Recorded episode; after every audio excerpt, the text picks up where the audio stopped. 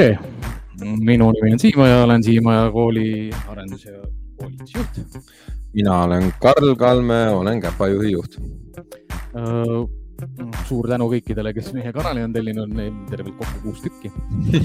kes tahavad olla kaasas siis meie uutemate osadega ja saada teada, et millal need eetrisse tulevad, siis tasub Youtube'ist lisada ennast tellijaks. Subscribe'i tee, subscribe'i tee. tulevad, eesti keeles on see telli ja eesti keelsetel on siis Koit ja noh, me jagame oma tegemisi niikuinii Instagramis ja Karl Käpa juhis ja nii edasi mm. -hmm täna on meil siis selline, kuidas nüüd öelda, jälle üks märgiline saade, ehk siis meil ongi esimene külaline. ja külaline siis tutvustab ennast äkki ise.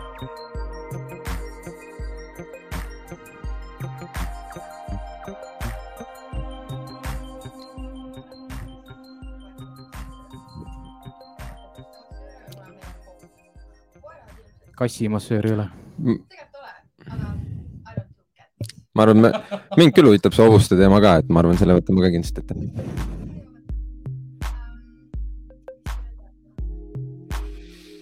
ega me neid küsimusi hakkame järjest küsima. no mina uurisingi sinu kohta nagu väga huvitav lugemine oli sul kodulehel. sain teada, et sa oled seda täitsa saanud individuaalõppena nagu kellegi käe all õppida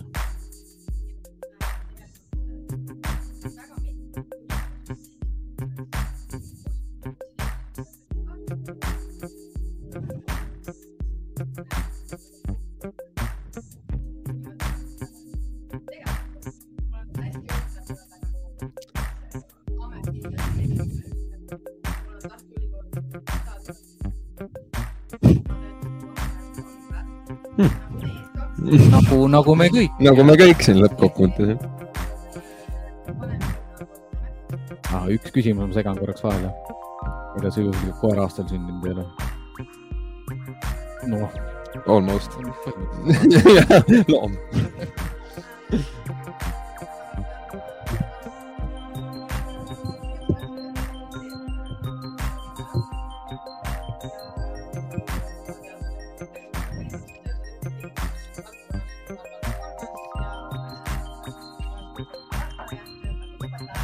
loogiline. Fun fact, mu ema on lasteaiaõpetaja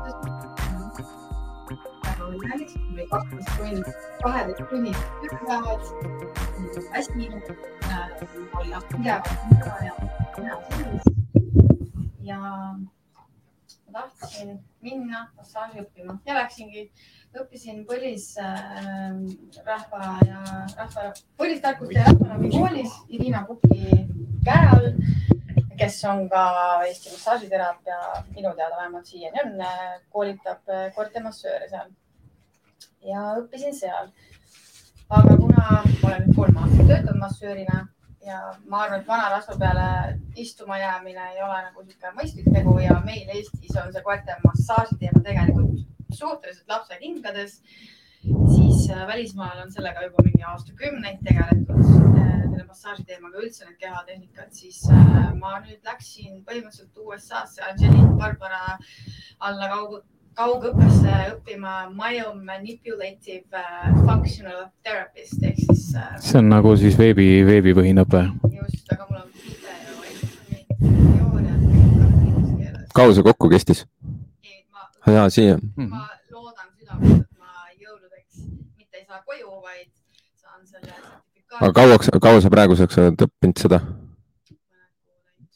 et ma ei, ma ei ole veel väga kaugele jõudnud sellega, ütlen ausalt, et see on suhteliselt keeruline, aga mind täiega kõnetab see, sellepärast et on, seal on väga palju muid suundi kui lihtsalt klassikaline massaaž, seal on trigger points, seal on hästi-hästi palju sellist süvitsi minemist ja rohkem sellist äh, mitte nii klassikalist lähenemist, et äh, ma saan nagu, ma võin öelda, et peale selle kursuse läbimist ilmselt ma olen äh, kõige kõrgemalt sertifitseeritud koerte massöör Eestis, hakkan ka kuuluma International Association'isse Animal Bodywork and Massage ehk siis äh, see on, see on põnev teekond äh,. ma ei ütle, et see on üldse kerge, ma südamest loodan, et ma teen selle ära.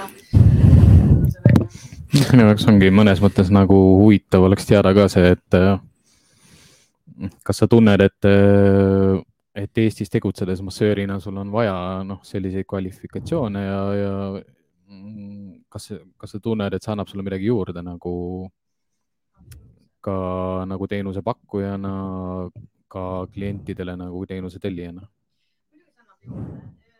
nagu ma ka enne ütlesin, siis tegelikult kõik see koerte kehatöö ja kõik see on Eestis alles lapsekingades, kõik see mindset, kõik see energeetiline pool, millest väga palju ei teata, palju ei usuta Mm, on olemas. on olemas, on olemas. um,. see annab mulle väga palju juurde, sest Eestis olles ma õppisin selle baasi, selle põhi, põhi selle massaaži, klassikaline massaaž, visceraalmassaaži ka. ma teen seda küll vähem, sest see on ebameeldiv massaaž. aga see, kus ma hetkel olen, ebameeldiv koertele või ebameeldiv sellele, kes massaaži teeb? Inimestele. tegemist on äh, siseelundkonna massaažiga ja kui ma topin enda rusika ikkagi vastu, siis esimest korda ma ei ole kindel, kas meist, meist nagu saavad kõige paremad sõbrad.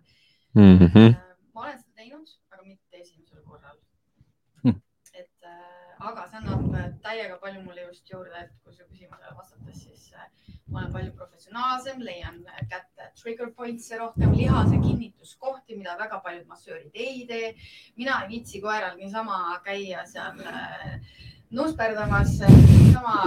mõnna, mõnna, mõnna, mõnna, mõnna, mõnna, lihtsalt suissu-mussu ei, seda saab oma Mhm. kodus ka teha. ma tahan rohkem keskenduda nii-öelda süvamassaažile. mind huvitabki tegelikult selle, noh, sinu tegevuse juures hästi palju see, et äh, noh, sa oled õppinud ju loomadele nagu lähenema. kui sa lähed nende koerte juurde, ega sa ei ole nende nagu vana tuttav, onju, sa samamoodi nagu meie lähed, näed neid esimest korda, näed neid inimesi esimest korda, tajud seda energiat esimest korda, näed seda temperamenti esimest korda. kuidas sa, mis on sinu sellised nagu esimesed noh, ütleme selline nagu noh, see, mida sa teed, kuidas sa käitud, kui sa lähed koera juurde, mis on sinu selline standardlähenemine? mida sa kõigepealt jälgid?? muidugi, oh yeah.. oh yeah. ei ei, mind lihtsalt huvitab, et nagu kuidas nagu teis- no,, jaga inimestega seda, mida meie teame. jah, jagan ilmselt rohkem seda aspekti, mida mina kui massöörina olen oma Mhm. praktikas kogenud, mida ma olen teinud ja kuidas mina neid koeri näen. ehk siis äh, kui mina lähen kellegi koju või, sest minu spetsiifika on see, et ma teen koertele massaaži koera kodus. mul ei Mhm. ole mingisugust äh, kliinikuruumi, koerad saavad tunda ennast täiesti vabalt ja turvaliselt, et äh, ma teen seda kodus, kui ma lähen, siis, Siimul on midagi ah, ei no me lihtsalt ei tohi nii palju mikrisse hingata.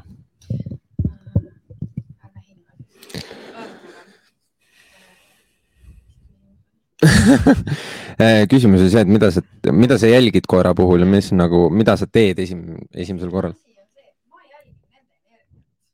et ma ei jälgi seda, mida see omanik eks ole, talle räägib või neid sõnu või mis iganes, sest tegelikult koera kehakeel räägib väga palju ja seal kehakeele juures on ka energia nagu koera käitumisest, koera käitumine. Nagu Tänil.. aga energia on teine asi, sest sa tajud seda, sa tunned, ma ei tea, nagu energia teemat ei saa seletada nagu mõistuslikult ära, kuidas sa seda tunned, sest energiad on erinevad ja sa tajud seda. see, ma arvan, väga paljudel loomadega töötavatel inimestel, noh, minu, minul kindlasti, Siimul ka kindlasti, no sul ka, et me tajume seda looma hoopis teistmoodi kui paljud teised inimesed. no ma olen enda jaoks proovinud seda energiat ikkagi niimoodi ära seletada, et see on selline komplekt nagu kõigest, noh, minu jaoks see, kuidas koer liigub, see, kuidas ta mind vaatab, see, kuidas ta keha liigub. kuidas ta hingab, kuidas ta, noh, see ongi noh, keeruline, keeruline nagu seletada mm. -hmm. aga noh, mida rohkem sa noh. inimestega no. või mida rohkem sa koerte ja loomadega töötad, siis sa nagu tajudki seda energiat ka sellise väli, välise pildina, sa paned nagu mitu asja kokku. pluss noh, mida ma väga tihti nagu kasutan ka, mida ma inimestele ütlen, et äh, teil on nii mõnus koer. noh, ma tunnen, et ta on nii mõnus koer, aga see ongi sihuke noh, temperament, käitumine, kõik asjad kokku ja noh, seal on see, kas me siis, kas ta on siis kuues või seitsmes meil juba. no sa räägid seda mõistuslikust aspektist, aga ma räägin, sa ei saa seletada ära, et, et oi, et energia on nagu käitumine või nagu, see on, see on taju, sa tunned seda, sa tunned enda sees, mis su kehas toimuma hakkab. samamoodi näiteks no, no inimeste puhul me ju täpselt samamoodi tajume ära, no mis vibe'iga see inimene on, kas ta on seest ärev, kas tal on mingid hirmud, mida rohkem sa energeetikast nii-öelda rohkem tead, mida rohkem seda praktiseerid, sa hakkad järjest rohkem tajuma inimese igasuguseid asju, ehk siis mõnes mõttes on nagu teadlik olla ebamugav, aga samas sul on lihtne, kui me räägime koertega töötamisest.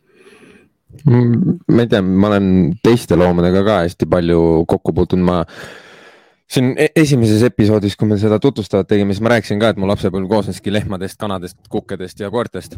et eh, noh, siin ma võtan selle näite ka kohe, et ma käisin ju, mis ma käisin see aasta alguses või, käisin Pärnus on niisugune tore koht nagu Minisuu, kus on siis reptiilid ja ämblikud ja asjad. ma ei suutnud ühte ma madu, ma arvan, nelikümmend viis minutit käest ära panna, lihtsalt see, lihtsalt ei suuda, et eh, noh, täiesti saad aru, et jumala, noh, jumala laadne on mõlemal. et hästi-hästi äge ja noh, samamoodi igal pool mujal ka nagu nii kui on võimalik mingi loomaga, hobustega näiteks. et äh, ma olen isegi nendega kokku puutunud, mul on isegi enda sünnipäeval olnud hobused kunagi. see on nagu sihuke läbiv teema jah, et, et äh, noh, kui sa juba ühe looma energiat õpid nagu tundma, siis sa hakkad tegelikult ka teiste loomade energiat nagu tajuma. aga sa ei saa ka seda energiat panna kinni inimeste puhul, ma tajun ka inimeste energiat, see ei ole see, et töötan ainult koertega, et ma nüüd tajun nagu koerte energiat, vaid nagu ma tajun, mis energia? Karlil on ja, ja just, ma, ma näen nagu hirmus. hirmus. ma hakkasin Räägi. rohkem tunnetama energiaid, kui ma hakkasin iseendaga tegelema, iseenda kehaga, iseenda ärevusega, ma olin nagu täiesti metsas endaga, ma olin tablettide otsas, kõik jutud. Ja nagu midagi peab ette võtma. Ja kõik see trauma, kõik see jama salvestub meil kehatasandile, võite uurida teaduslikult igasuguseid artikleid äh, Mhm. väga paljud inimesed ei usu seda. täitsa suva asi. Eks ta käib- ta käib ju käsikäes, et kui sa õpid ennast tundma, siis sa hakkad ka teisi paremini tajuma. jah, ega seal on ju ah,, jumal, ma lihtsalt ma hakkasin mõtlema seda, et nagu see on ju am- isegi seda ei pea hakkama kellegagi vaidlema, see on kõige tavalisem näide on see, et stress tekitab väga palju bioloogilisi probleeme kehas. Et nagu ainuüksi see juba on, et ja kui sul ongi ärevused, asjad, siis nagu ilmselgelt see mõjutab su keha igatepidi, mitte ainult vaimselt, et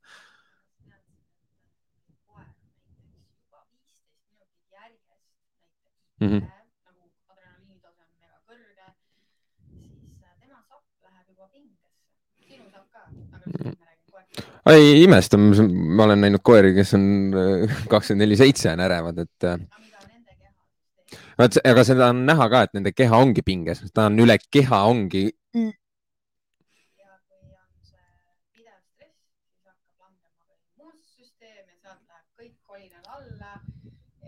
Ähm, noh, me võime öelda, et oo, rahune maha või ole rahulik või mis iganes, aga inimesed tegelikult ei oska lõõgastuda ja hästi paljud öö, omanikud ei lõõgast-, ei, ei lase ka enda koeral lõõgastuda ehk siis äh, väga paljud käitumisjamad tulevad aga noh, see käib natukene ju käsikäes ka, et kui inimene on pinges, ega koer ka ei saa ennast ju lõdvaks lasta. ja mu lemmiklause on, et stress viibub mööda rihma. E, ja, aga e, sellest eem, eelmine episood me rääkisime ka sellest, kuidas on see, et kui ärrituse skaalal ollakse, siis sa hakkad pendeldama, kui sa nagu üks ei suuda nagu rahulikku joont ette, et et see on niisugune, noh, ma olen ka hästi pikalt õppinud, kui ma koolis töötasin, mul olid erinevad koolitused, koolitused ja õpitoad, kus ma käisin, kus räägiti siis nii-öelda sellest stressi, nii-öelda stressist ja ärevusest ja agressiivsusest, noh just inimeste puhul küll. aga ega see vaimne olek selles stressi poolest on üsna sarnane loomadega või imetajatel üldse üks ja sama, et äh, lihtsalt meid, inimesi ajavad väga-väga palju rohkem asju, ajavad närvi ja tekitavad stressi, sest et me oleme emotsionaalsemad, meil on, me oleme materiaalsed. loomadel on selles mõttes lihtne, nendel on nagu stressiallikad on kindlasti vähem kui meil. no äh,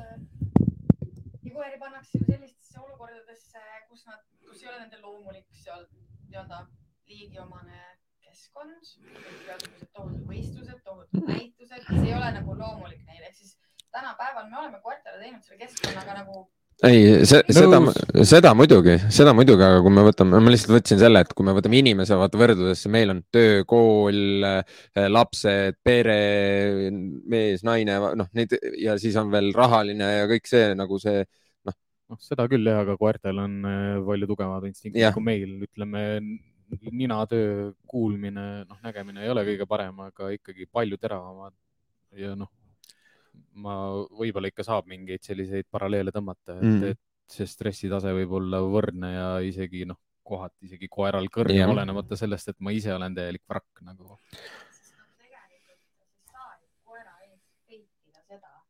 sul on hästi.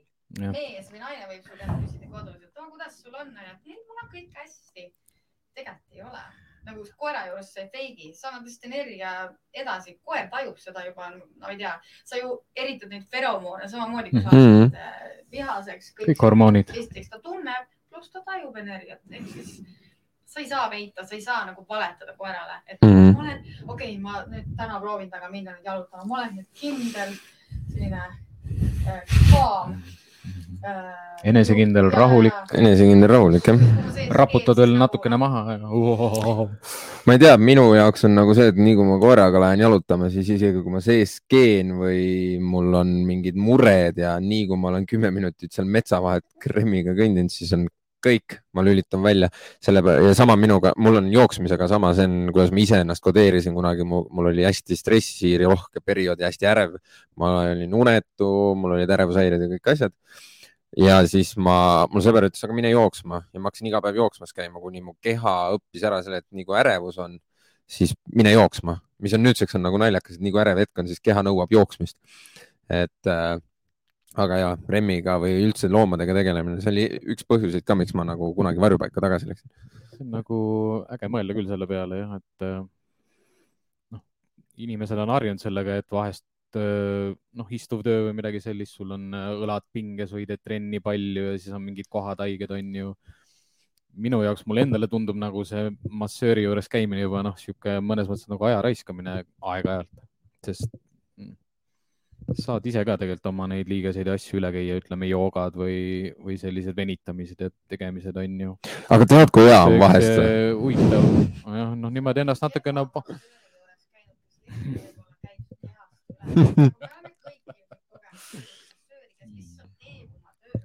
Jah. Enamus. selle kehaga kontaktis, sa naudid seda puudutust, ta läheb selle järgi, mis su kehas toimub, ta ei tee seda massaažiskeemi, mis tal võib-olla koolis kohe õpetatud, et sada protsenti niimoodi, ei, ta lähtub sellest kehast, mis seal toimub ja lähtub sellest energiast, mis toimub seal. ehk siis ähm, ma ei tea, mis massööride juures sa käid? ei no noh, seal on mingi tõenäosus selline, et jah, ma pean leidma endale nagu õige massööri, aga ma ei tunne väga selliseid pingeid endal kuskil kehas, et, et mul on otseselt massaaži vaja. mingi selline arvamus on sellest ka nagu, et, et võib-olla liiga palju massaaži ei ole ka nagu hea. no täpselt ma ei tea, kes selle nagu paika paneb, aga noh, Pillel on huvitav küsimus selles suhtes, et kas koerale peaks massaaži tegema ainult probleemi ilmnemisel või noh, ma võin seda teha ju iga päev see on nii äge küsimus, sest äh, mul oli üks vestlus äh, liftis mingi hetk ühe koera omanikuga, kellel Oli nii oli väike kutsikas räägi lähemalt lihtsalt, vaatame siis. ja siis äh, keera peale seda. poisid ei kuule mind. no meie kuuleme väga hästi. Need, kes vaatavad, ei kuule. aga mul on kõik põhja keelatud. aga põhimõtteliselt äh, ma võin tugevamini ka rääkida ju. ja, ja räägi, räägi. okei okay.. Ühesõnaga ma kohtusin liftis ühe koera omanikuga, kellel oli noor Mm. koer ja kuidagi tuli juttu sellest koerte massaažist ja sellest ah ei, et äh, ei mina, minul küll praegu vaja ole, et ma tulen siis su juurde, kui mu koeral mingi õnnetus on. aga see on rumal asi, mida me teeme ka inimestena, me tegeleme ja me elame tagajärgede maailmas. massaaž, mis asi tegelikult on? ennetuslik maailm, meil ei jõuaks väga paljud asjad üldse nii kehvaks kehas minna, kui me näiteks võtaksime kõõlustelt pinget ära, mida massaaž ideaalselt teeb. Koerad teevad ju tohutut ülepinget näiteks agilitiga. see on väga suur pinge kõõlustele, massaaž suudab võtta pinget kõõlustelt ära, pluss valu kehast ära, aga ma võin, ma ei tea, ma võin üheksakümmend protsenti väita seda, et äh, sina ei tea väga hästi, kus su koeral kehas on valus, sest koerad on ideaalsed valuvarjajad miks nad on, sellepärast et see evol- evolutsiooniliselt tuleb juba sellest, et nad ei tohi välja näidata. aga mul ei ole olnud koera, kellelt ma ei leiaks mingisugust valukohta lihtsalt üles. Ja neil on paravertebraaltsoon ehk siis seljatsoon, raudselt on kuskil mingi spasm ähm,, skaapula tagant võib-olla ka kaltsifikatsioon, enamus koertel see ähm, eluajaga tekib ähm, pole kohta koeral, kus ma ei leiaks mingisuguseid selliseid valukohti, nii et äh,. Aa, muide, lihas äh, ei rebene ka nii kergesti, kui ta on selline elastne. Ja kui lihaspikkus on õige, siis ta ei saa ka kuhugi rebeneda, aga kui lihaspikkus ei ole õige ja ta teeb äkkliigutuse näiteks toredal pallimängul või agility-trennis, mis iganes, siis äh, lihas rebeneb. Tekib ka mikrorebend, näiteks on mikrorebend on siis, kui näiteks koer, sa viskad talle palli, teeb niisuguse kiuksatuse, aga ta laseb samamoodi edasi. See ei ole mingi tohutu suur lihasrebend, aga tekib väike mikrorebend, ta läheb eluga edasi, rebend siiski veitsa valus. nii et äh, me saame tegelikult ennetada, et äh, selleks ei pea olema probleemi. kohe küsin sellel teemal kohe edasi, kas me audio saime korda või? ei no sellega ongi selline mure, et äh, ma pean vahetama, kumb sisend on. mm,? ühe kaamera puhul ei võta siis äh,, aa okei okay.. No siis tuleb vahetada, mis seal ikka äh,.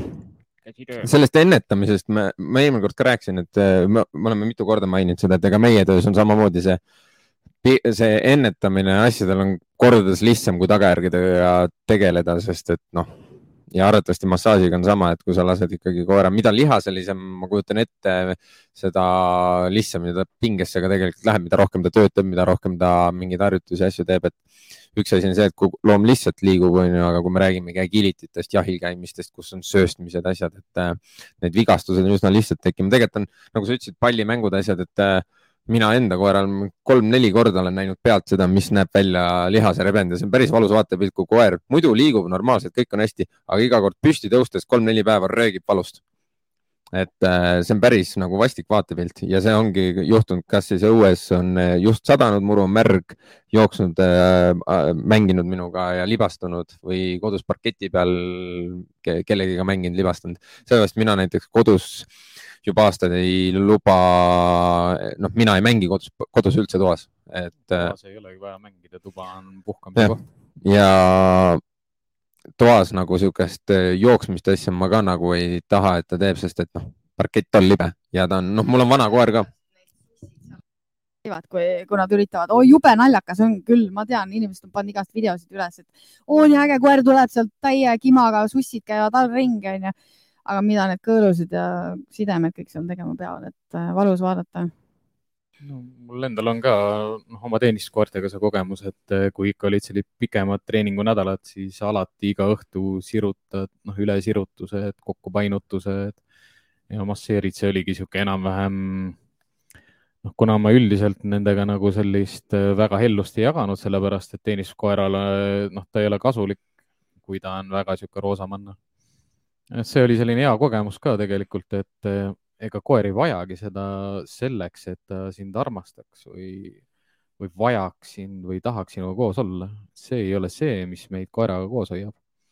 aga no ütleme, see kogemus, mis ma teenistuses sain, selle ma viisin edasi oma kutsikakooli ka, et mäletan, kui mul oli see tervisetund, siis nägigi välja niimoodi, et ma võtsin tekid, istusime ringis põrandal maas ja ma rääkisin lihtsalt sellest, kuidas kutsikat hoida, kus katsuda, kuidas kontrollida, milliseid eeterlikke õlisid kasutada.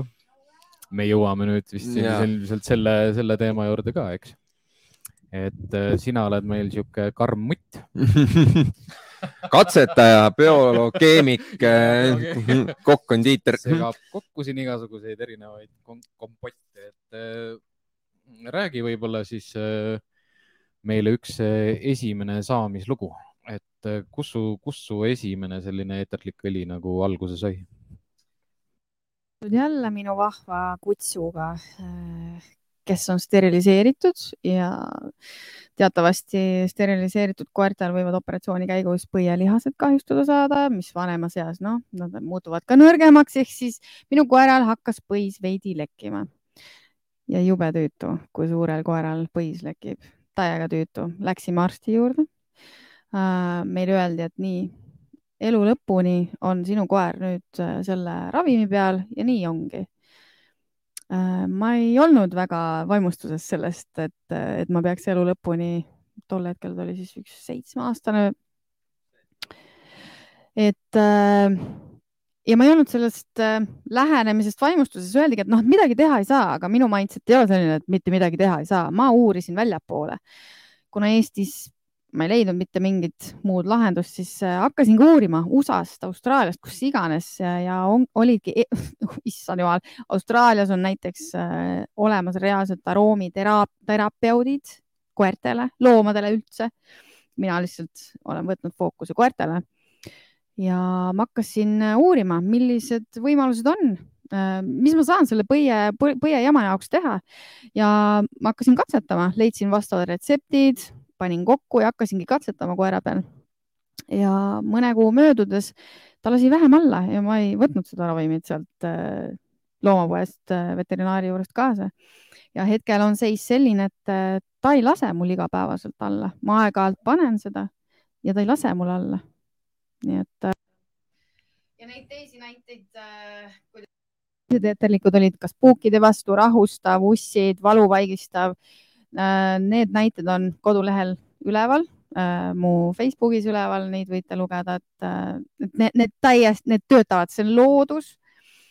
ja igal eeterlikul õlil on ju oma toime, me ju teame väga hästi, et äh, näiteks äh, see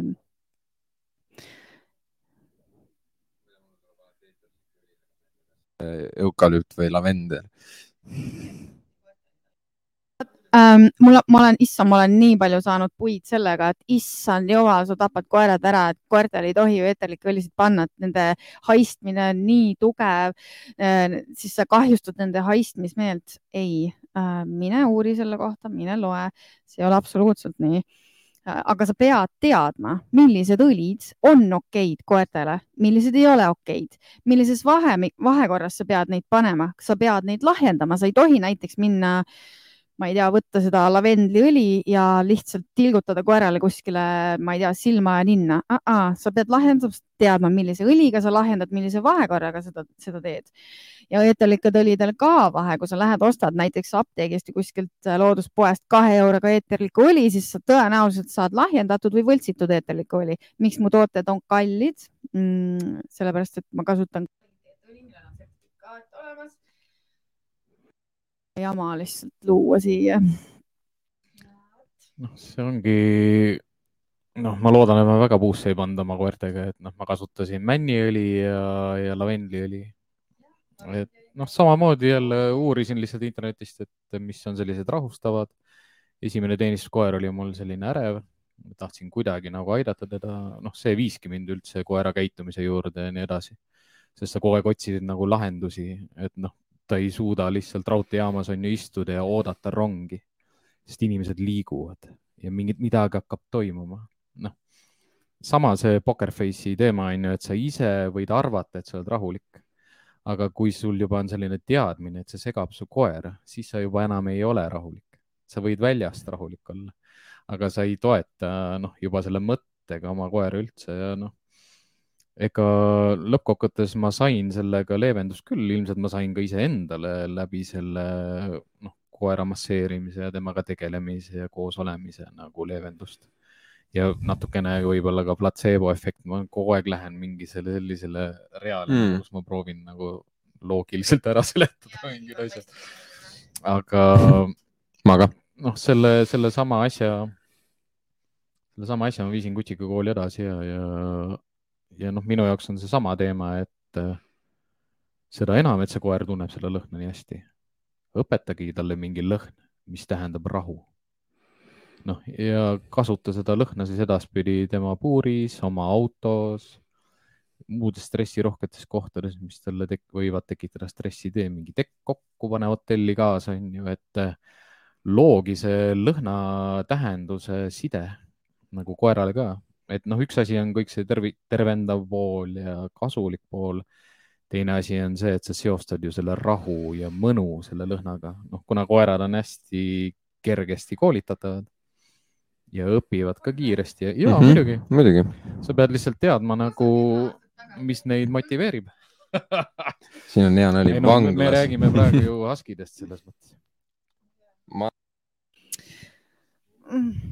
no ma tean, et, et see on nagu suur vahe on sees jah. aga mõte jääb samaks mm. -hmm., basaaltõug. ja selline tõug, kes on noh, õpetatud vedama kelgu ees. mul tekkiski küsimus juba ennem juba eelmine kord, kui me kohtusime ja rääkisime juba video teel, et äh, sul on malamut, kus sinu esimesed kolm aastat olid? tead, kui äh, noh, nüüd ta saab kümme, kümme aastat tagasi me võtsime ta ja kui inimene võtab koera selle pealt, et ta on unistuste koer, ta on maailma kõige ilusam koer, siis mida head sealt tulla saab? olgem ausad, ma ei teadnud mitte etsugi. väga suur õpetus, see koer on nagu maailma kõige suurem õpetaja mulle üldse olnud. esiteks, et ma iseenda ärevusega hakkaks tegelema, sest ta ei handle inud seda ära, aga esimesed kolm aastat ütlen ausalt, et äh, me olime valmis alla andma nagu päriselt ka, sest äh, me kasutasime, me läksime esiteks koerte kooli, kus äh, kästi mul see koer põhimõtteliselt üles riputada, oga, oga nende, mis on see keti see, aga tal jäi karva see kinni, sest tal on see alus karvaga. saime esimeses koertekoolis kohe toreda trauma, üks suur saksa lambakoer põhimõtteliselt äh, pures koera läbi Äh, meil oli väga palju halbu kogemusi alguses, väga kehvasid äh, käitumisspetsialiste, ma ei teadnud, kelle juurde minna. siis, siis on, ma arvan, isegi keegi ei kasutanud niisugust sõna nagu käitumisspetsialist väga, vaid siis olid kõik treenerid. sellele me, meil, meil läks algus väga kehvasti ja ma ei teadnud ise mitte midagi. Aga mis osas teil kehvasti läks, mis teil kodus toimus, mis teil nagu, mis teil igapäevaselt, mis teil olid need, mis teie jaoks probleemid olid?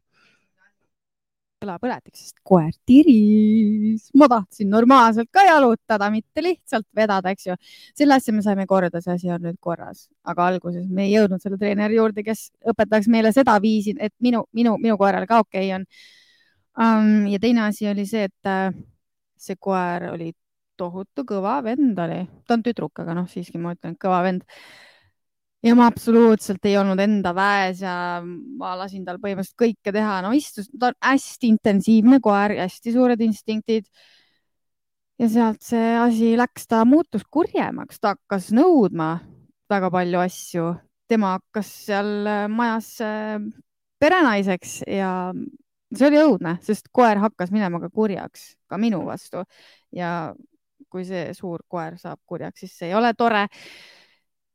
et jah, aga millal teie, teil see muutus tekkis või millest see muutus tekkis?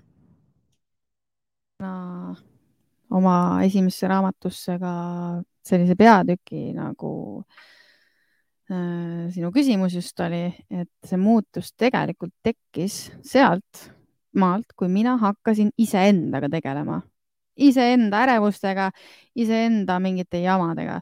kui mina hakkasin enda vaimse poolega ja selle rahulikkusega, kõik selle äh, poolega tegelema, siis mu koer väga paljudes olukordades, ta ei, ta ei teinud, ta ei käitunud, ta ei reageerinud enam nii närviliselt, pluss ta ei olnud enam nii ärev, sest ta võttis väga palju ärevust minult üle mm,, pereliikmetelt üle. Ehk siis äh, ma arvan, et iseenda murdepunkt oli see. tore on kuulda seda, et inim, mõni inimene on võimeline jõudma sinna, kuhu me kõiki üritame suunata kogu aeg. ja noh, tihtipeale on sellest juttu ja et äh, leia endas see tasakaal ja proovi nagu vaadata ka läbi enda, noh, mida ma koer, noh, seda on juba öeldud ka, et, et koer on rohkem sinu tegu kui sinu nägu. Aga sinna tegevuse all ju, ju läheb ju kõik sinu see sisetunne ja mida sa teed ja vaimne energia, noh ener,, kogu see energia, noh edaspidi me siis ei räägi nii palju ümmarguselt, et me nimetame mm Mhm. -hmm. seda alati energiaks, ütleme, et siis, et see tasakaalukas energia oleks inimeses olemas. ja kuidas sa seda projitseerid koerale, noh, mida ma vahest nagu lastega peredele ütlen. et kui tänapäeva lastel on seda, noh, ma ei nimeta seda hüperaktiivsust, see on lihtsalt üks jälle arenguetapp kogu sotsiaalses maailmas. tead, oleneb laps, lastest, et see noh, seal on, olles oma te- eelmises töökohas, et seal on ikkagi need spektrid ka, kus nagu ongi hüperaktiivne, ongi üks spekter ja see on see, aga noh, selle, selle sa näed ära, et kui su laps on lihtsalt aktiivne, see on üks asi, aga hüperaktiivne, selle sa näed ära, see noh, ja ei noh, ega me ei hakka praegu Mm. otseselt nagu erivajadustega lastest rääkima, aga lihtsalt ütleme selliseid noh aktiivseid lapsi mm -hmm. noh, ma võin, mu lap-, mu enda laps ei ole, noh, ütleme niimoodi nüüd, et ta peaks olema mingi hüperaktiivne või midagi. aga lihtsalt, kui sa kõrvalt näed juba, et mida see nuppude klõbistamise maailm teeb, nagu kuidas ta ei suuda rohkem kui mingi kakskümmend sekundit ühte asja teha või. ja siis on vaja juba järgmist asja.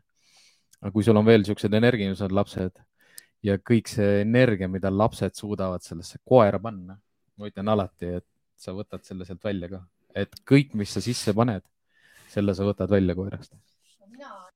seda, et äh, väga paljud inimesed ei peaks võtma koera, ei peaks minema enne suhtesse, ei peaks tegema enne lapsi, kui nad on põhimõtteliselt iseendaga heas kohas, sest äh, see ei ole ju uudis, et äh, lapsed saavad samamoodi vanemate traumasid kaasa, kõiki asju, ehk siis me lastena imbume läbi sellest keskkonnast, kes meil on ümber ja ma arvan, et väga palju oleks jamasid olemata, kui, kui me oleksime rohkem endaga kontaktis, teaksime, kes me oleme, teaksime, mis me tahame, kellega me tahaksime, mida me tahaksime.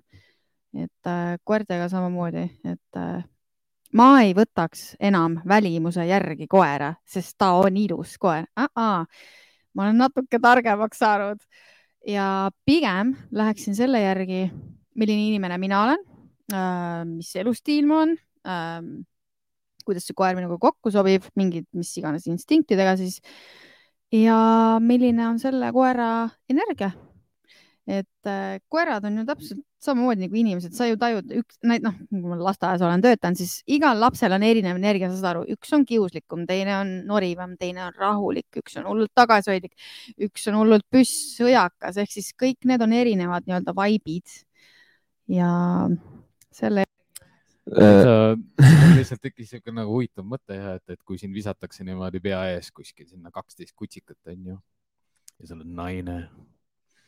noh, see empaatia ja östrogen ja kõik nunnu-punnu ja suured käpad ja suured silmad ja noh, jälle see enesekontrolli teema nagu nii tugevalt nagu sees, et äh, noh, see ongi see eneseteadlikkus peab olema nii tugev, et sa suudad ennast ka e- oma emotsioone reguleerida, kontrollida, suruda alla, mõista neid öelda, et kuule, ära praegu hinga noh, kolm korda sügavalt sisse-välja, võta rahulikult mm, -hmm. raputa veits maha, vaata uuesti pilgu, mine korraks toast välja, tule tagasi, onju.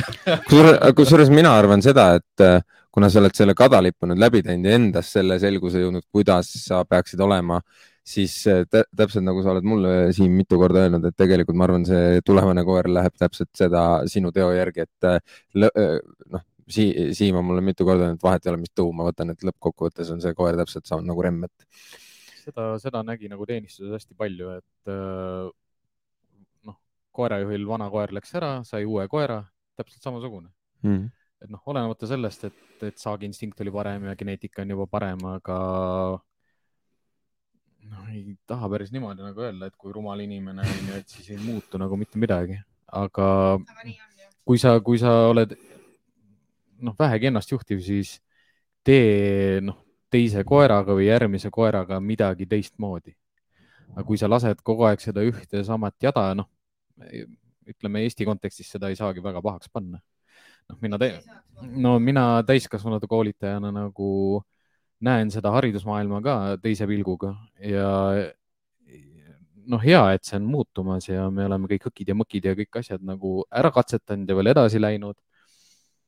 Tõsiselt siiralt loodan ja näen ka kõrvalt, et mu poeg on hoopis teine inimene hoopis teises maailmas kui mina. aga millegipärast koolides on ikkagi veel selline raamidesse surumine, oma mõtlemise alla surumine mida me kirjutame see ennastjuhtivus sinna õppekavadesse sisse ja raamõppekavadesse sisse, kui seda ei õpetata või, või ei oodata või ei eeldata. Kodu ja kool kasvatavad last koos.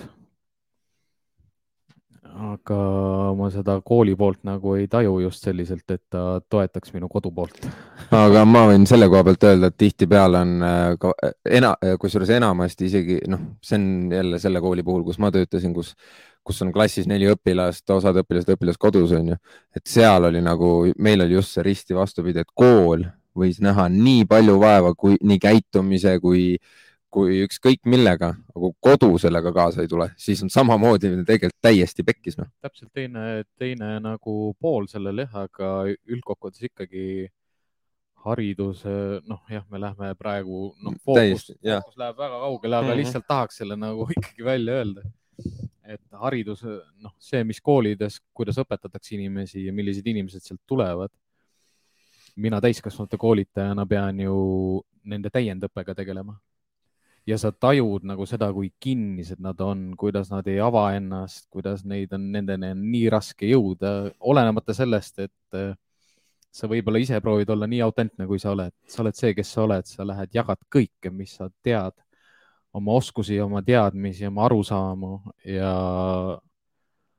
no üks asi kuskil üle poole tunni tegelema lihtsalt sellega, et ta lõpuks võtaks sind oma ellu vastu. üks asi, mis meil õpetamise, noh, minul on õpetamise, täiskasvanute õpetamise puhul nagu silma jäänud, on see osa just, et äh, me oleme, noh, see on nõukogude ajast ja nii edasi, siiamaani tegelikult põhikooli tasandil tegelikult, et äh, sellist äh, lahtist või nagu ise kaasa mõtlemist on hästi vähe, et äh, hästi palju on see, et nii palju, kui sina ette ütled, mida teha, nii palju tehakse, aga natukene laiemat pilti nagu ei, kokku ei panda, võetakse ainult üks-ühele need sõnad ja neid omavahel seostada inimestel on hästi keeruline kuidagi. ja ei noh, eks äh, noh, on palju positiivset ka, et mm. -hmm. noh, ühiskond areneb ja ja näed ka järjest rohkem selliseid teadlikku valikuid, aga teine asi on ka koolitaja ise, et ta peab ka kommunikeerima oma teenust või noh, toode, noh teenust, koolitusteenust selliselt, et inimene teeks teadliku valiku või vähemalt saaks teha teadliku valiku. vaatame korra, kas meil on küsimusi ka tekkinud äkki ja inimestele igaks juhuks ütle- tuletame meelde, küsige, küsige, küsige, küsige. ei, meil on endiselt, noh, praegu on meil audioga korras, siis ma klõbistan siis seda kogu aeg Hmm, edasi-tagasi. aga huvitav, kas see aitab, ma lihtsalt korra see audio teema jälle, et äkki see aitab, et kui me enda selle, sellele lülitame, vaatame, äkki siis toimib, ei pea klõpsima, ma ei saanud aru praegu, et meie monitor lülitada tolle kaameraga kokku hoopis. ma ei saa seda siin eraldi panna. ei saa jah, muidu ma oleks pannud juba. okei okay.. koolis käia ei tahaks, ilmselt ei lõpetaks seda kooli ka just nendel samadel põhjustel. üldse ei tahaks koolis käia või? ka, et kui ma, ma ju käisin ka kaksteist klassi ja kõik see ülikool, kõik jutud, et äh, ülikoolid, sa käid ju, sa käid praegu USA, USA koolis. jaa, aga see hoopis teistsugune, nagu see, see, see teema ei ole niimoodi, et, et ma pean nii õppima, nagu mulle öeldakse. et ma saan ise seda valida, kuidas ma õpin, kas ma siis omandan neid teadmisi, see on ju nagu minu vastutus, eks ju. Ülikoolidega on mindud õnneks seda teed juba, kus nagu on hästi palju sellist äh, õp, õpi, noh, inimesi üritatakse suunata. patrulliharidus minu jah, et üritada, inimesi üritatakse ikkagi suunata ülikoolides vähemalt nii palju, kui ma olen kokku puutunud ja ülikoolis olnud ka, et ja kõrg või nii-öelda kõrgtasemel õppel siis, et äh, üritatakse või osad õppejõud juba vähemalt üritavad seda, et äh, et vahet ei ole, kuidas sa õpid, et äh, mul oli gümnaasiumis ka muidugi bioloogiatund oli see, Lauri Mällo, tervitused sulle äh,. tal ei olnud vahet äh,, kuidas me õpime te,, tema andis meile informatsiooni ja whatever works for you nagu, et mm. -hmm. Aga seda ta ütles kogu aeg, et gümnaasium, see on vabatahtlik, see ei ole kohustuslik, et see on see, millest inimesed tihtipeale aru ei, just noored ei saa aru, et nad ongi, lõpetatakse see põhikool ära ja siis väga paljudel on siiamaani see kodu poolt see suunitlus, et järgmine peab olema gümnaasium, kuigi kutsekool on variant, majanduskoolid on variandid, onju, et äh, ja samamoodi pärast gümnaasiumit, siis peab ülikool olema, et ei ole, et neid variante, kuidas õppida, mida õppida on nagu nii palju, sa võid netist õppida, et äh, noh, see, aga ma mäletan enda ajast oli see, et ikkagi see noh, põhikool, gümnaasium, ülikool on ju, okei okay,, minul ei tulnud ülikool, mul tuli eh, Sisekaitseakadeemia, elukool. elukool, aga ikkagi, et selles suhtes, et äh, ei no jah, see kooli teema on niikuinii läbiv noh, igapäevaselt ja kõikide meeltel ja keeltel. mind just selle täiskasvanu õppimise koha pealt huvitakski sinu puhul nagu see, et kuidas see, kuidas ja miks see üleliikumine, noh, üleliikumine, noh, kuidas sinna hobused juurde tulid? ma olen loomainimene nagu ninast sabani ja põhimõtteliselt äh, ma olen eluaeg tahtnud ka enda hobust, ma olen ratsutanud aastaid. Ehk siis äh, mul on kokkupuude väga palju hobustega olnud, lastelaagrites äh, on meil hobuseid, teeme seal ägedaid harjutusi ja värke ja kuna ma õppisin koerte massaaži, siis ma ütlesin Irinale, et Irina Pukk siis äh, äh, õppejõud massaažiteraapia koolis ütlesin, et äh, tule palun õpeta mind hobuseid ka masseerima. ja ma käisin, kuid käisime ja õppisime. Meil on koerad ka siin, sest see on äh, koerteteemaline podcast. ja õppisin ära. ja miks loomale pai, alguses ma mõtlesin, et ma teeks koerale pai. aga ma teadsin, et ma tahan veel midagi kindlasti mingite teiste loomadega teha. ja selleks sai siis hobune, et hobused ja koerad, suurem fookus on mul muidugi koertel, aga teen ka hobuseid ja, sest hobused, hobused on lihtsalt nii magic ud, nad on nii suursugused, neil on mega power ja viiskümmend kilogrammi naist äh, nagu ma olen, siis ma jõuan väga hästi hobuseid masseerida, mõni võib-olla mõtleb, et mis asja see väike tüdruk seal jõuab. mul on keharaskus ja head tehnikad, nii et äh, muidugi saan hakkama. Ja ma ei ole see hobustamas, ma, kusjuures ma ei, kas see, ma ei kujuta seda pilti ette, ma kohe küsin küsimuse ka selle kohta, aga see hobusega suhtlemine minu jaoks on nagu ka hästi-hästi äge, sest et äh, noh, Siim, Siim on seda põgusalt enda poole pealt rääkinud, et ega mina olen samamoodi noorest peale, noh, mul oli, ma ütlesin sünnipäeval, sünnipäevaks võeti Tartus Ihastes, siis äh, Ihaste ratsatellist võeti eh, hobune, kõik said ratsutada, väga tore onju. see hobusega suhtlemine minu jaoks oli üks-ühele koeraga, täiesti üks-ühele ja mul ei ole mitte mingit probleemi, ma arvan siiamaani, ma pole väga ammu ühegi hobusega suhelnud, aga ma arvan, mul ei ole siiamaani mingit probleemi minna ja selle hobusega suheldada, sealt eh, tallist kaasa võtta, eh, ratsutama minna. ta on nagu üks-ühele küll ja, aga no paganama suured ja tugevad ja jõulised, see lisab sinna nagu ikka siukse nüansi juurde. aukartuse nii-öelda või? aukartuse pigem jah. ei, et kui sa kardad, siis noh, loom tajub selle ära. mul tuli Instagrami küsimus ka selle selle massaaži kohta, et, et kuidas ma lähen koju nagu masseerima, et kas ma nagu, et, et kui ma näiteks nagu kardan mõnda koera või mingit tõugu, onju, et noh, kas, kas, kuidas ma sinna lähen siis um, ma ei saa sellist mõtet pähe võtta, et see on nüüd hirmus koer või hirmus tõug või mis iganes, et mõni omanik kusjuures armastab mulle rääkida mingi tohutu loo, et see koer on niimoodi, ta on niimoodi läbi elanud, ta on selline ja selline. aga ma ei saa selle pealt minna sinna massaaži tegema, ma lähen täiesti tühja lehe pealt ja ma vaatan ise, mis see koer on. väga tihti see jutt nagu ei klapi. ehk siis äh, ehk siis äh.... selle, et jutt ei klapi, selle ma olen rääkinud ka, see on nagu meile saadetakse, ma arvan, mõlemale nii pilte, videosi, pildid on kõige parem, vaata, mis mu koer teeb, see on pilt. see on sama nagu Sander õigus tegi no, kunagi. noh, muki, muki, nuki, ma vaatan, noh, ma kerin need kähku üle ja lähen teksti juurde. noh, selles mõttes yeah. mul ei ole sellest pildist mitte midagi. minu jaoks oli see, et no. et noh, võite saata pilte küll, et mul ei ole nende vastu absoluutselt midagi, aga lihtsalt jah et eh, noh, käitumisspetsialistile sa ei tutvusta oma koera niimoodi, et siin on pilt ja siin on video. noh, ütleme ja kui see video näitaks nagu seda probleemi häirivat käitumist, siis küll midagigi, aga lõppenergia sa tajud ikkagi ainult koha peal ära. üks on lõppenergia, aga sa ei näe. ei saa spekuleerida inimestele niimoodi, et oh, ma annan sulle siin quick fix ma pole katsunud, ma näen küll midagi pildilt, aga nagu noh, ma tunnetan ikkagi näppude all koha peal, et ma, ma, mul ei ole mõtet spekuleerida, pluss ma ei lähe sinna selle jutu pealt, mida on omanik mulle öelnud. et võtan kohe näiteks mingi seisundi või sellise hoiaku, et nii, see koer on nüüd kurb, et oi-oi-oi, et mis nüüd siis saama hakkab, ossa kurat, päris põnev onju.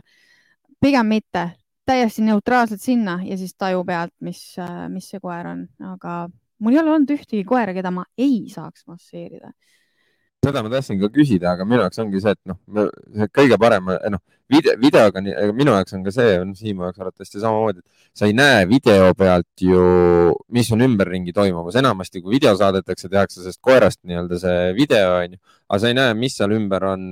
näitab, saadab mulle video haukuvast koerast, onju, eh, ja eh, ärevast koerast, ma saan aru, et ta on haukuv ja ärev ja kõik aga mis, millest see tuleb, ma ei oska sulle öelda, kui ma ei näe ümbruskonda, ma ei näe, milline sina oled, ma ei näe, äh, mis kümme minutit tagasi juhtus, aga piltidega mul on hästi tihti saadetakse ka pilte ja piltidega minu jaoks mul tuleb alati meelde see Sander Õiguse, see libeduse nali, kus äh, ta räägib sellest, et Tartus mingi äh, mupo ametnik käib pildistamas libedust, onju, et noh, see nii abstraktne fototudengi teema, kui üldse saab olla, onju, et näe, mul on ärev koer, ma teen pildi nagu jah, tore vaata, vaata kui libe olgu.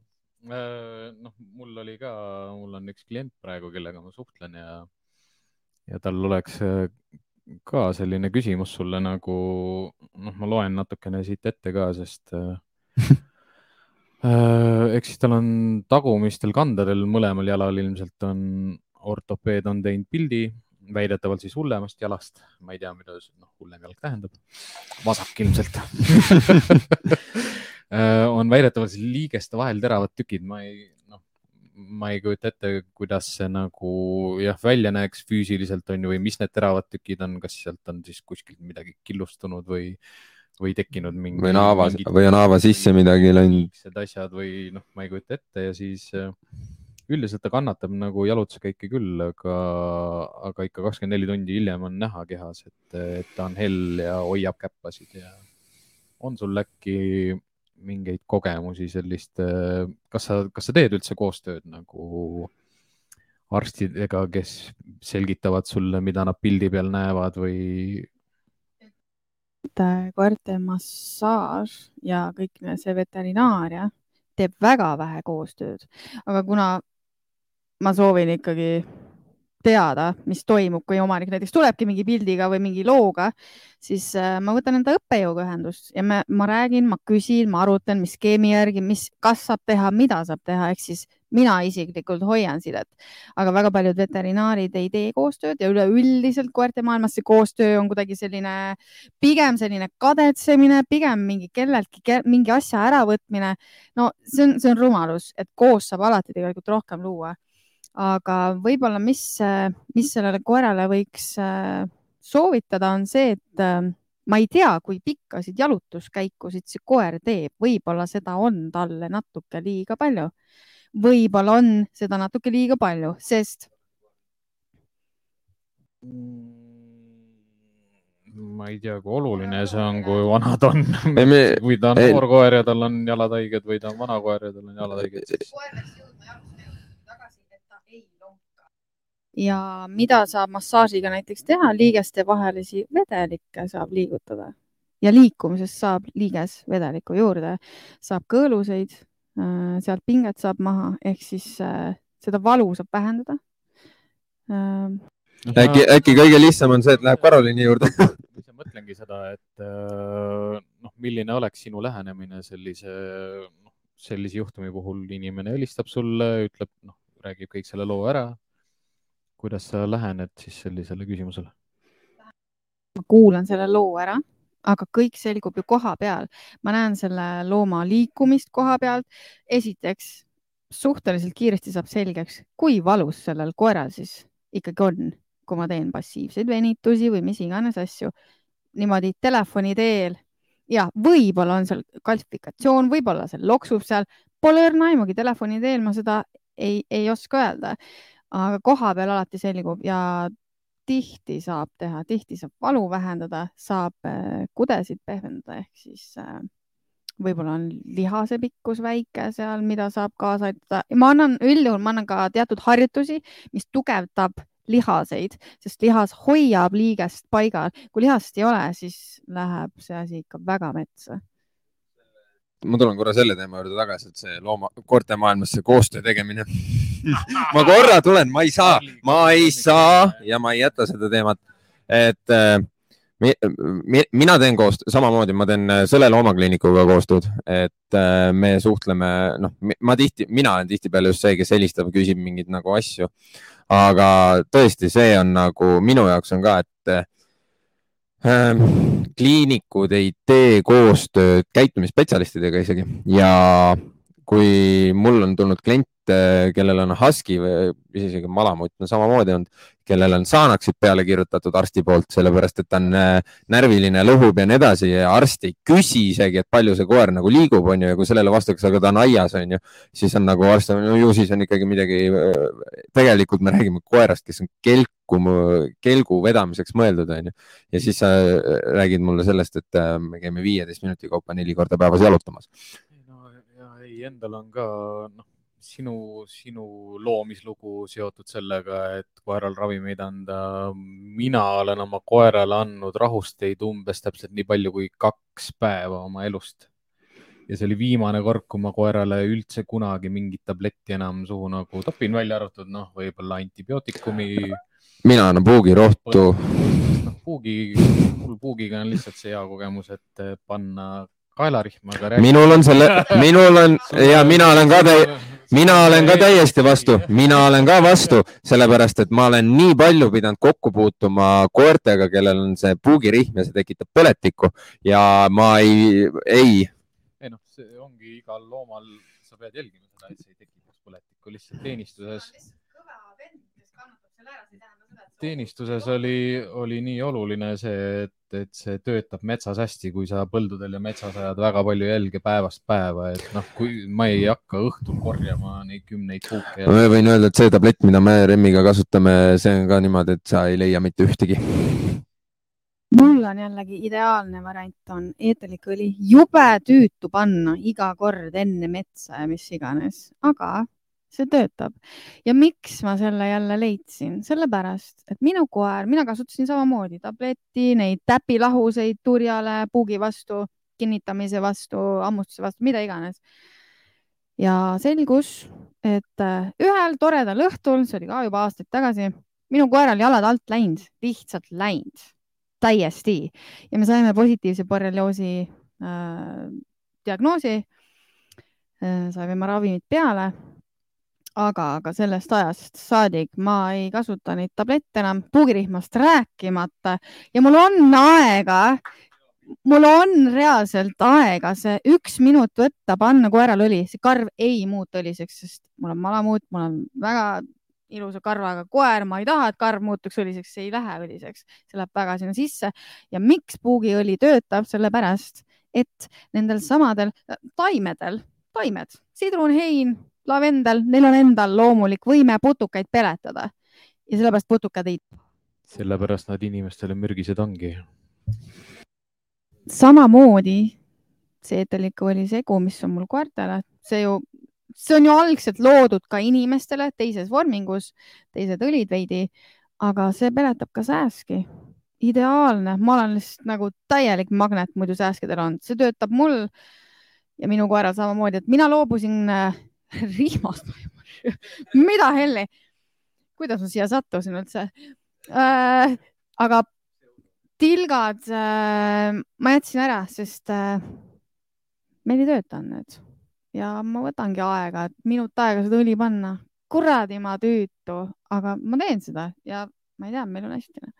mina ka õli olen või neid tilkasi üritanud kasutada, see, see oli küll nalja tegemine. eks sinu, sinu koeraga on sama, mis minu koeraga, et äh, selle keha pealt puugi leidmine on ka omaette, kuigi minu koeral on äh, väga hea komme puugid kõrvade ja sild, kulmude kohtade saada, see on nagu tema väga hea komme. Need on need kohad, kuhu puugid jah, kõige kergemini külge hakkavad. aga ja. täiesti nullini ilmselgelt mitte ühegi kuramuse vahendiga neid sinna viia aga me saame vähendada neid ja mina soovin vähendada seda natuke loomulikumal teel kui näiteks permetriin, mis on selles äh, puugirihmas, mida kasutatakse sügeliste ravi vastu, mis on mürgine kassidele ja koertele ka. et äh, see on lihtsalt üks variant ja üks võimalus, äh, kuidas puuki peletada. lihtne see ongi, mina valisin sellise tee, mis iganes keegi valib, go for it ja noh, võtaks, võtaks paar sellist küsimust siit kohe nagu chatist ka.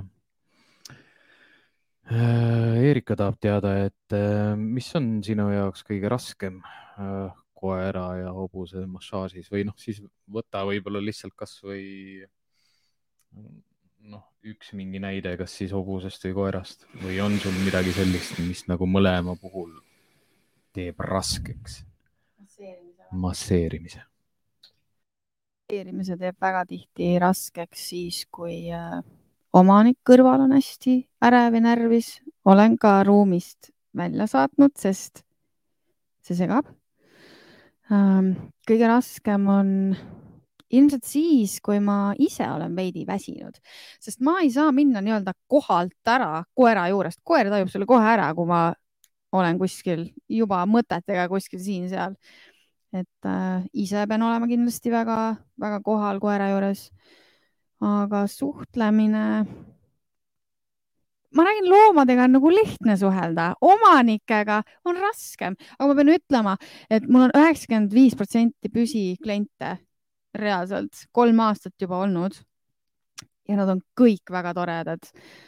mul ei ole olnud, ma ei tea nõmedaid omanikke, sest nad kuidagi ei jõua minuni, mis on nagu tore, sest ilmselt ma tõmban lihtsalt ligi selliseid inimesi, kes on juba avatud, kelle mindset on juba selline, nii et, nii et äh, ja kõige raskem, issand, ma ei tea, mul, mulle väga meeldib enda töö, ma, see on väga hea küsimus, ma pean endalt nüüd äh, seda küsima. see on nagu selles mõttes on tore kuulda. aga selles mõttes oli tore kuulata, et inimene ütleb, et mulle meeldib oma töö, aga seal on, mulle meeldis see osa ka, et äh, inimestega suhtlemine on see, mis väsitab ja see, et sa saadad inimese ära, sest et äh, see on, mida mina olen ka öelnud ja mille pärast on mulle korra üritatud korralikult vett peale tõmmata sotsiaalmeedias või mind mustata nii-öelda, et äh, mina väga tihti, kui ma näen, et inimene ise on ärev, äh, ei suuda ja on ta on nii kinni selles, mida see koer on teinud ja kuidas nende omavaheline suhe on, siis ma võtan selleks, et aru saada, mis see koer päriselt on, ma võtan selle koera inimese küljest lahti, lähen ise jalutan taga ja loe, õpin seda koera tundma ja vaatan, mis see koer mulle ise räägib. mul on äh, koeri, keda ma olen nii-öelda võtnud ka enda juurde, et aru saada, milline ta on. üks koer oli niimoodi, et ma võtsin ta pere juurest, see oli, me olime hästi pikalt nagu ko- koostööd teinud ja mulle mingid asjad nagu tekitasid nii palju küsimärke, et äh, koera kehakeel oli noh, täiesti nagu arusaamatu, ma ei saanud aru, nagu miks ta nii ja naa teeb. võtsin päevaks üheks ööks enda juurde, see koer äh, muidu kodus, täiesti ärev, kohati äh, näitas agressiivsust välja mingite asjade peale, siis kui ma seal käisin, siis äh, minu juuresolekul ei toimunud midagi. Ja siis võtsin, see koer tuli minu juurde, ta oli mitte üks öö, vaid kaks ööd, ta magas. ta lihtsalt tuli ja magas. see, see koer oli noh, kodus järelikult see õhkkond oli nii, nii ärev. saad aru, tal oli minu, Remmist oli ka täiesti ükskõik. ta lihtsalt tuli, me käisime jalutamas, magas, läksime jalutama, magas, ta ei liigutanud, ta ei viitsinud, jube hea. ja nii kui koju ja kolm päeva hiljem öeldakse, et meil on, ei, ei, ikka ei toimi.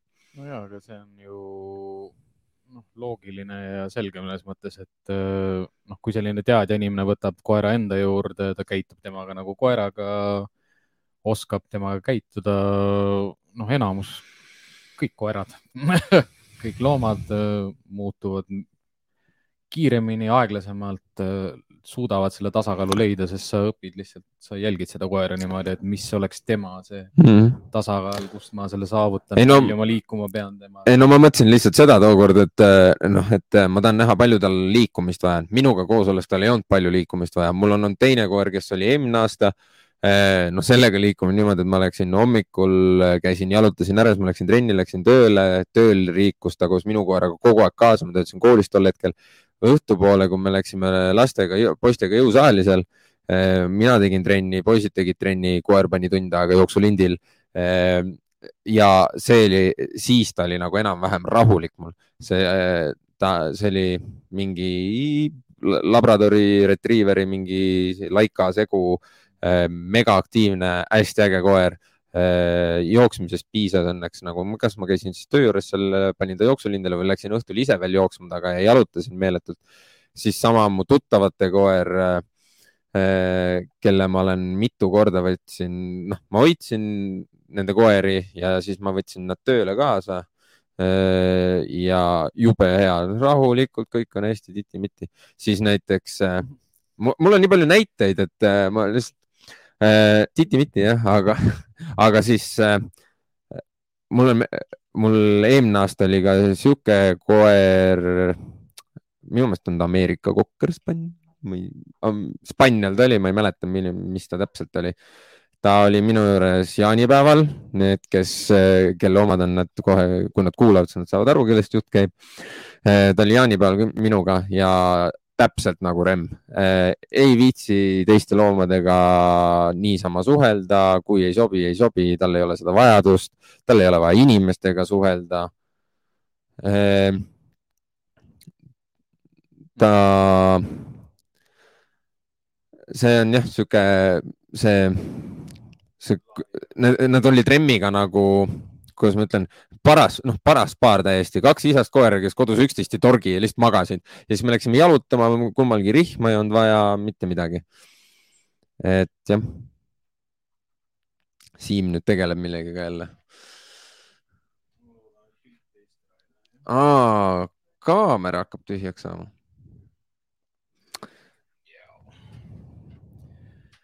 Eks me ka õpime seda podcast'i värki. no ikka, see on, ma, ma arvan, et viiendaks, kuuendaks podcast'iks me saame selle selgeks, et kuidas nagu, no hästi keeruliseks teeb meil praegu see, et meil ei ole veel oma pesa, et meil ei ole kogu aeg asjad üleval, et me tuleme kohale ja hakkame pihta. selles mõttes peame jah, natukene varuge kannatust, et meil siin neid tehnilisi viperusi veel siin aeg-ajalt võib tulla. Karolin, ma tahaks sinult seda teada, et äh, mis on praeguseks hetkeks peale su enda koera sinu mõni edulugu mõne koeraga, et äh, me oleme kuulnud küll, sa räägid nendest massaažidest ja asjadest, aga kindlasti on mingid niisugused eredamad edulood ka sul, et äh, üks edulugu on näiteks saksa lambakoer, kes oli kuuekuune. ma olin aasta tagasi tema juures. Ja sellel koeral oli raskekujuline düsplaasia ja ta käis operatsiooni läbi ja minu juurde jõudis ta ühe veterinaari soovitusel, muide, mis on äge. et teha talle taastumist. jäikasid sidemeid ja kõõluseid venitama, lihaspikkust parandama. reaalselt see koer, kui ma sinna jõudsin, ta ei käinud ühest jalast, ta hüppas nagu jänku, ta selg oli kõver, ühesõnaga tal, tal ei olnud see liikumine üldse hea, ta ei istunud ilusasti, rääkimata siis jooksmisest, et ta lihtsalt ei saanud seda alguses teha. ja ma käisin seal vist mitu kuud reaalselt kord nädalas. ta tegi ka lisaks vesiteraapiat ja ma käisin tema juures ja kolme kuu jooksul sai see koer ilusti istuma.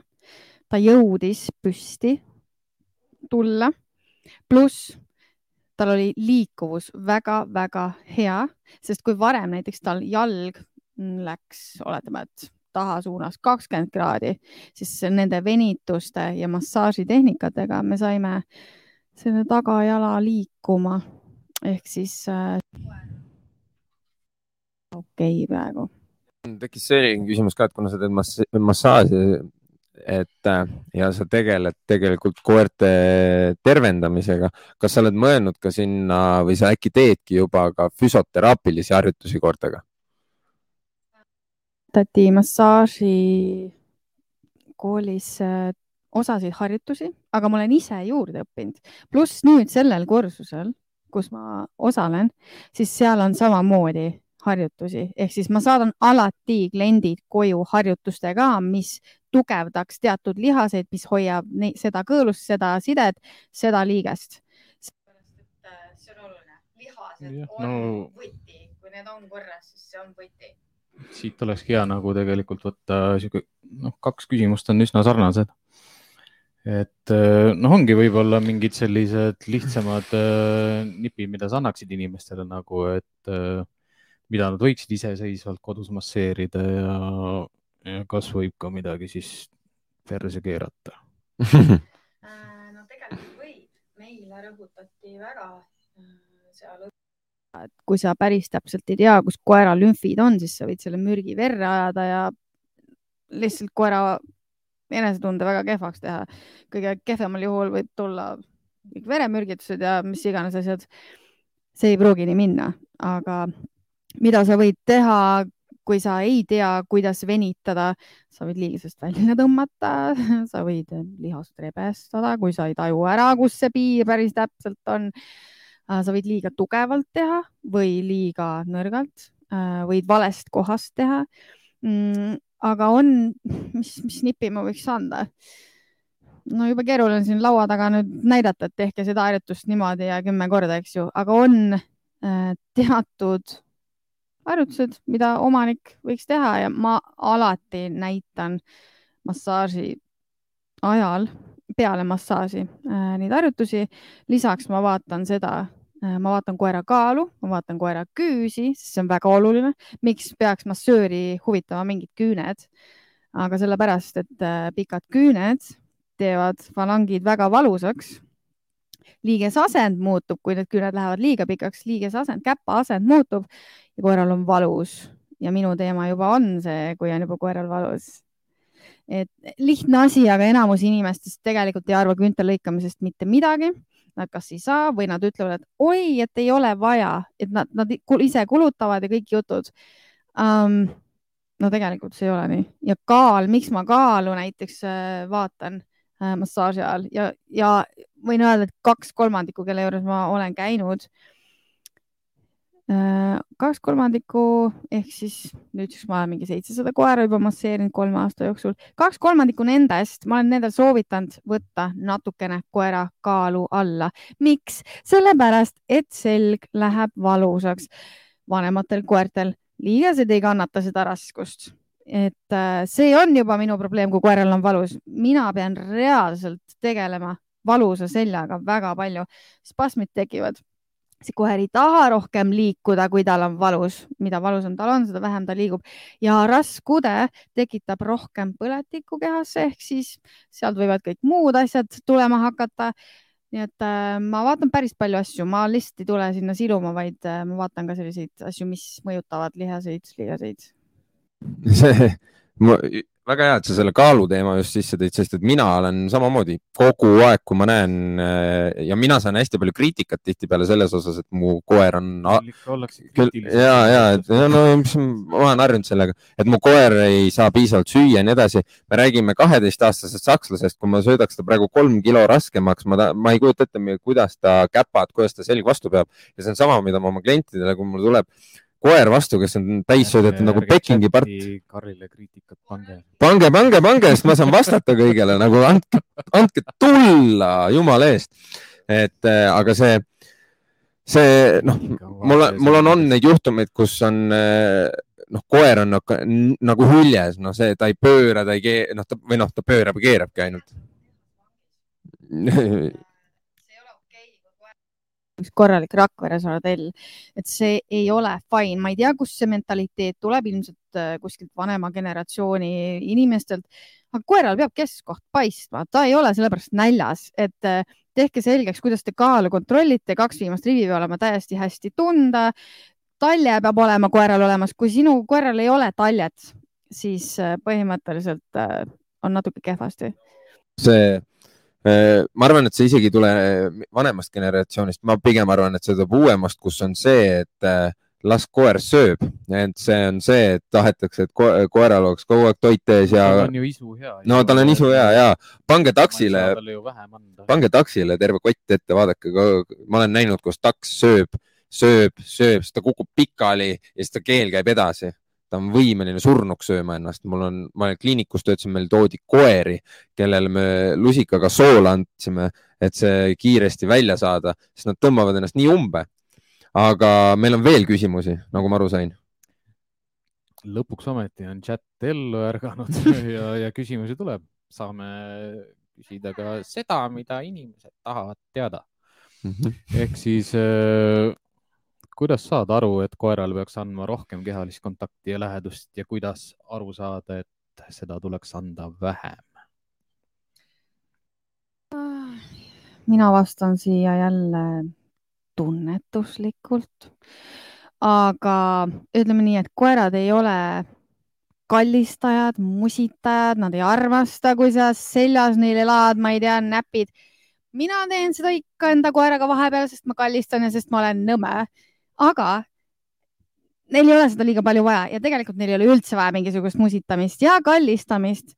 me teeme seda, sest me oleme inimesed ja noh, me arvame, et nad täiega tahavad. ei, aga koera jaoks lähedus on juba sinu lähedus, et äh, ehk siis ma ei tea, ma ei oska õiget vastust anda, ma lihtsalt ütlesin noh, anna, anna mingi protsendi. No, anna protsendi, ei selles mõttes sa, sa ütlesid nagu selle vähemalt ära, et nagu mida me nagu Siimuga kogu aeg kõigile räägime, et sul ei ole vaja teda kallistada, sul ei ole vaja teda musitada. jah, mina kallistan ka oma koeraga, ma arvatavasti kallistan vähe teistmoodi kui enamus inimesed kallistavad. ma lihtsalt panen nii-öelda tema rinnaku enda õla vastu, ta pea on üle, lihtsalt, et see, see on nagu meie kallistamine onju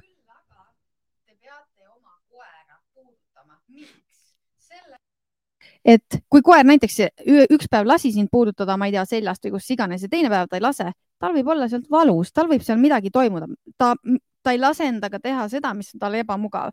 ehk siis puudutage enda koera, te saate väga palju võib-olla informatsiooni tema keha kohta ja koeral on üks keha, millega ta siin maailmas peab funktsioneerima ja see peaks töötama.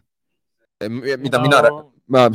selline, selline kogemus tegelikult nagu hea, et ega noh, mida ma kogu aeg räägin inimestele ka, et ma noh, küsitakse noh, minu arust oluline nagu mainida, et, et ma ei teinud oma koertele pai, noh, kindlasti ma ei tee neile pea peale pai mm. -hmm.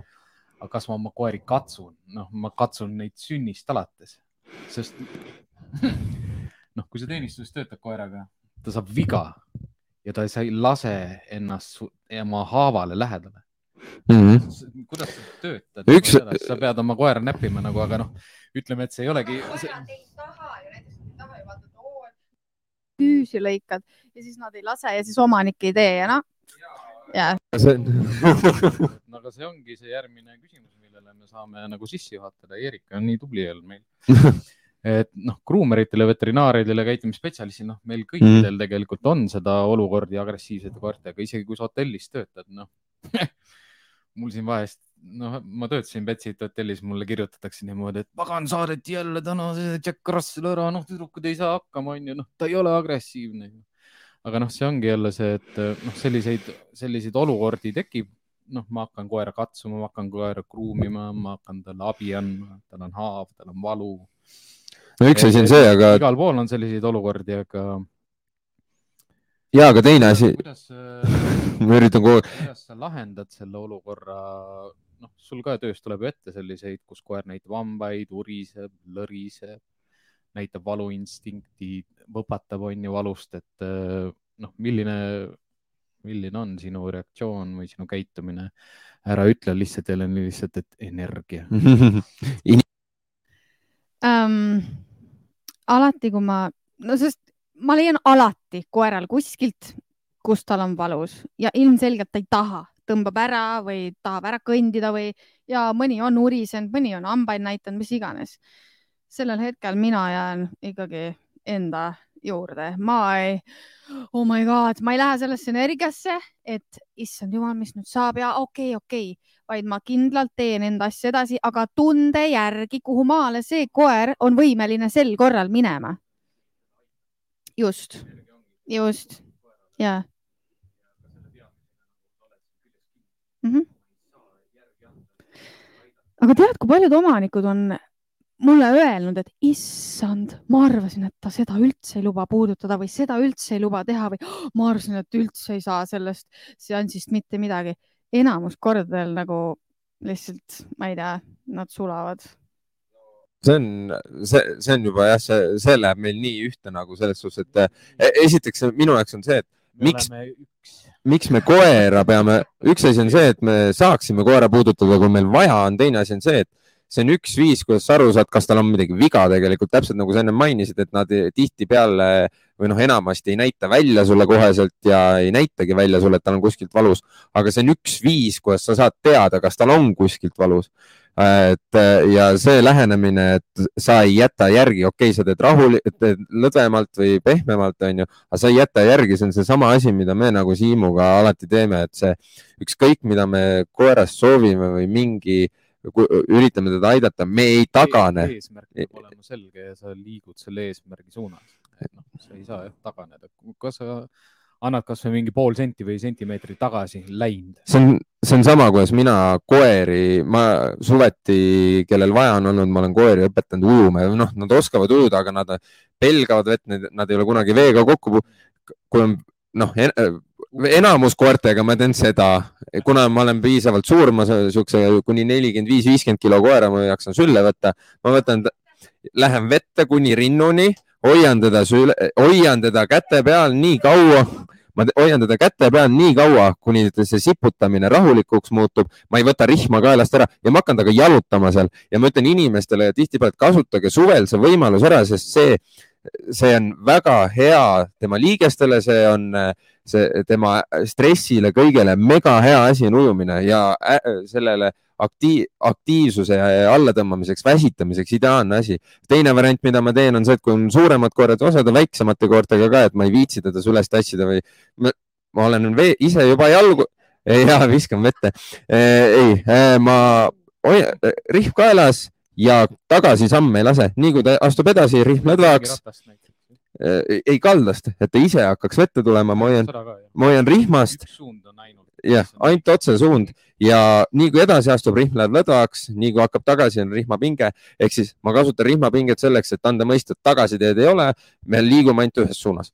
Ja tuli, praegu nii hästi meelde, üks, kui ma Betsitis veel töötasin, ma hakkasin siis juba konsultatsioonidega pihta ja oli selline pitbull äh, hästi energiline, aga noh, ülekaaluline ka.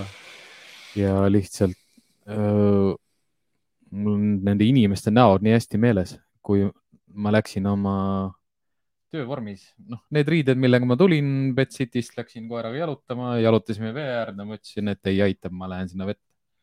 ja lihtsalt jalutasin riietega vette, sest noh, jälle seesama asi, et koeraga sa ei saa valida aega ja kohta alati niimoodi, et sul oleks mugav, aga ütleme noh, oma riietega vette minna, kui väljas on kakskümmend viis kraadi sooja, noh, ega sa ei sure pärast ära, kui sa noh, märjaks saad ja pärast pead nirisema seal, võib-olla tund aega veel jalutama.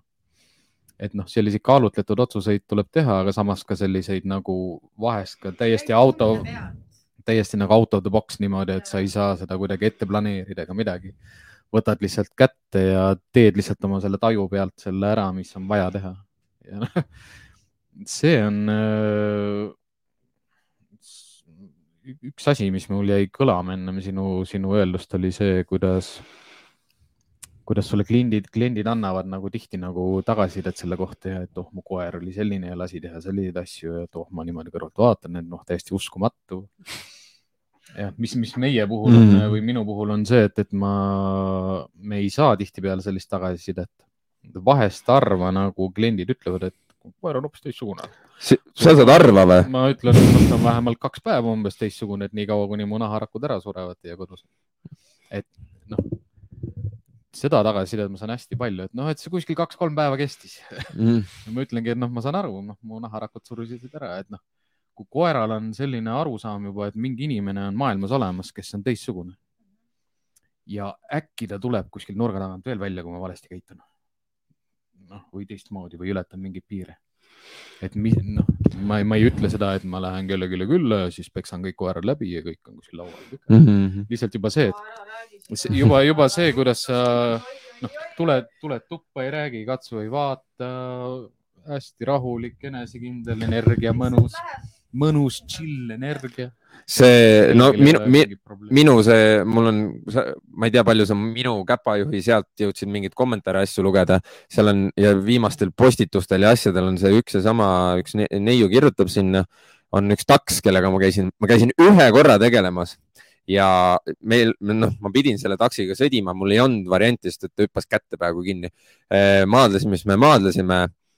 pärast seda ei ole olnud neid äh, intsidentes koer, koer suutis omanikul käe ära äh, läbi pureda, ta on see ja täpselt see, mis Siim rääkis, et ongi, koer saab selle tunde kätte, et on olemas inimene, kes ei astu tagasi ja ta õpib sellest nii palju, sest et pärast seda ei ole mina pidanud selle koeraga tegelema ja nendel läheb siiamaani hästi no see ongi, mul on praegu täitsa selline tunne, et me peame sinuga ööl kohtuma ja, ja, mis kell on juba no,? kell on üheksa juba ja ah. peaks hakkama vaikselt nagu. me oleme ju laivis ja peaks hakkama ka noh, meie produ, produtseerimist mm -hmm.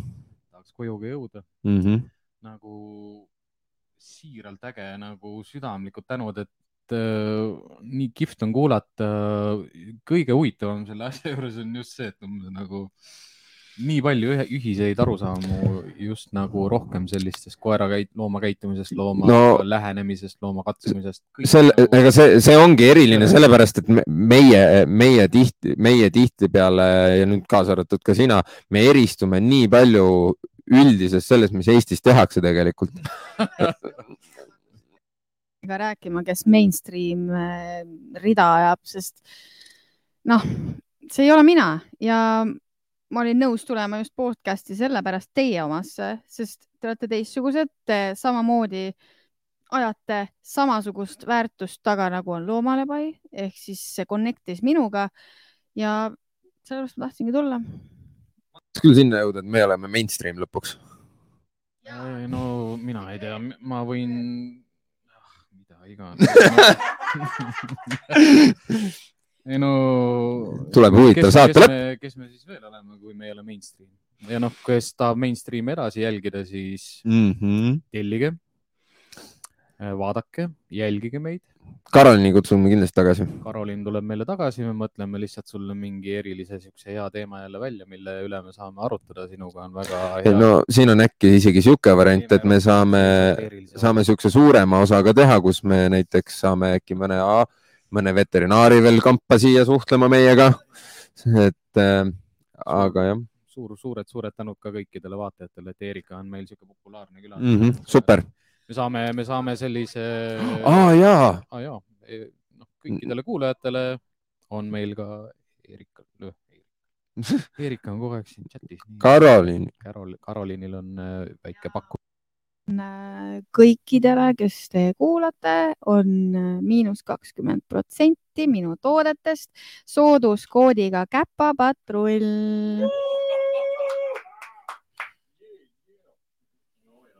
nii et minge vaadake. Äh, mul on tegelikult sihuke küsimus, et kas, kuna me selle, meil oli üks mõte tegelikult ju, üks mäng ka teha. Et äh, kas me teeme selle mängu või ei tee ma? arvan, et täna me seda mängu ei, mitte tee. täna, aga me saame selle teha järgmise episoodiga või siis, kui Karolin uuesti tuleb teha, siis. seda me võime arutada ka episoodi väliselt. ei, ei, ma lihtsalt ütlen, ma räägin seda sellepärast, et see mäng tuleb ja neid mänge tuleb veel rohkem, mitte ainult koos seoses Karoliniga, et äh, hakake kindlasti subscribe ima, jälgima, vaatama meie podcast'e, sest et äh, siia vahepeale tulevad need mängud ja mida me announce ime nii-öelda ja te anname teavituse, et mingi mäng on toimuma hakanud, millega on võit, võimalik võita midagi, igast asju, toredaid asju hakkab tulema, et kindlasti. vot, ei no tõmbamegi otsad kokku. otsad kokku, aitäh sulle. teeme jälle siukse laheda tantsu siia. Vajutame seda end broadcast'i. Tšau!. olge tublid. teadmatus ei ole lollus. teadmatus ei ole lollus endiselt. kunagi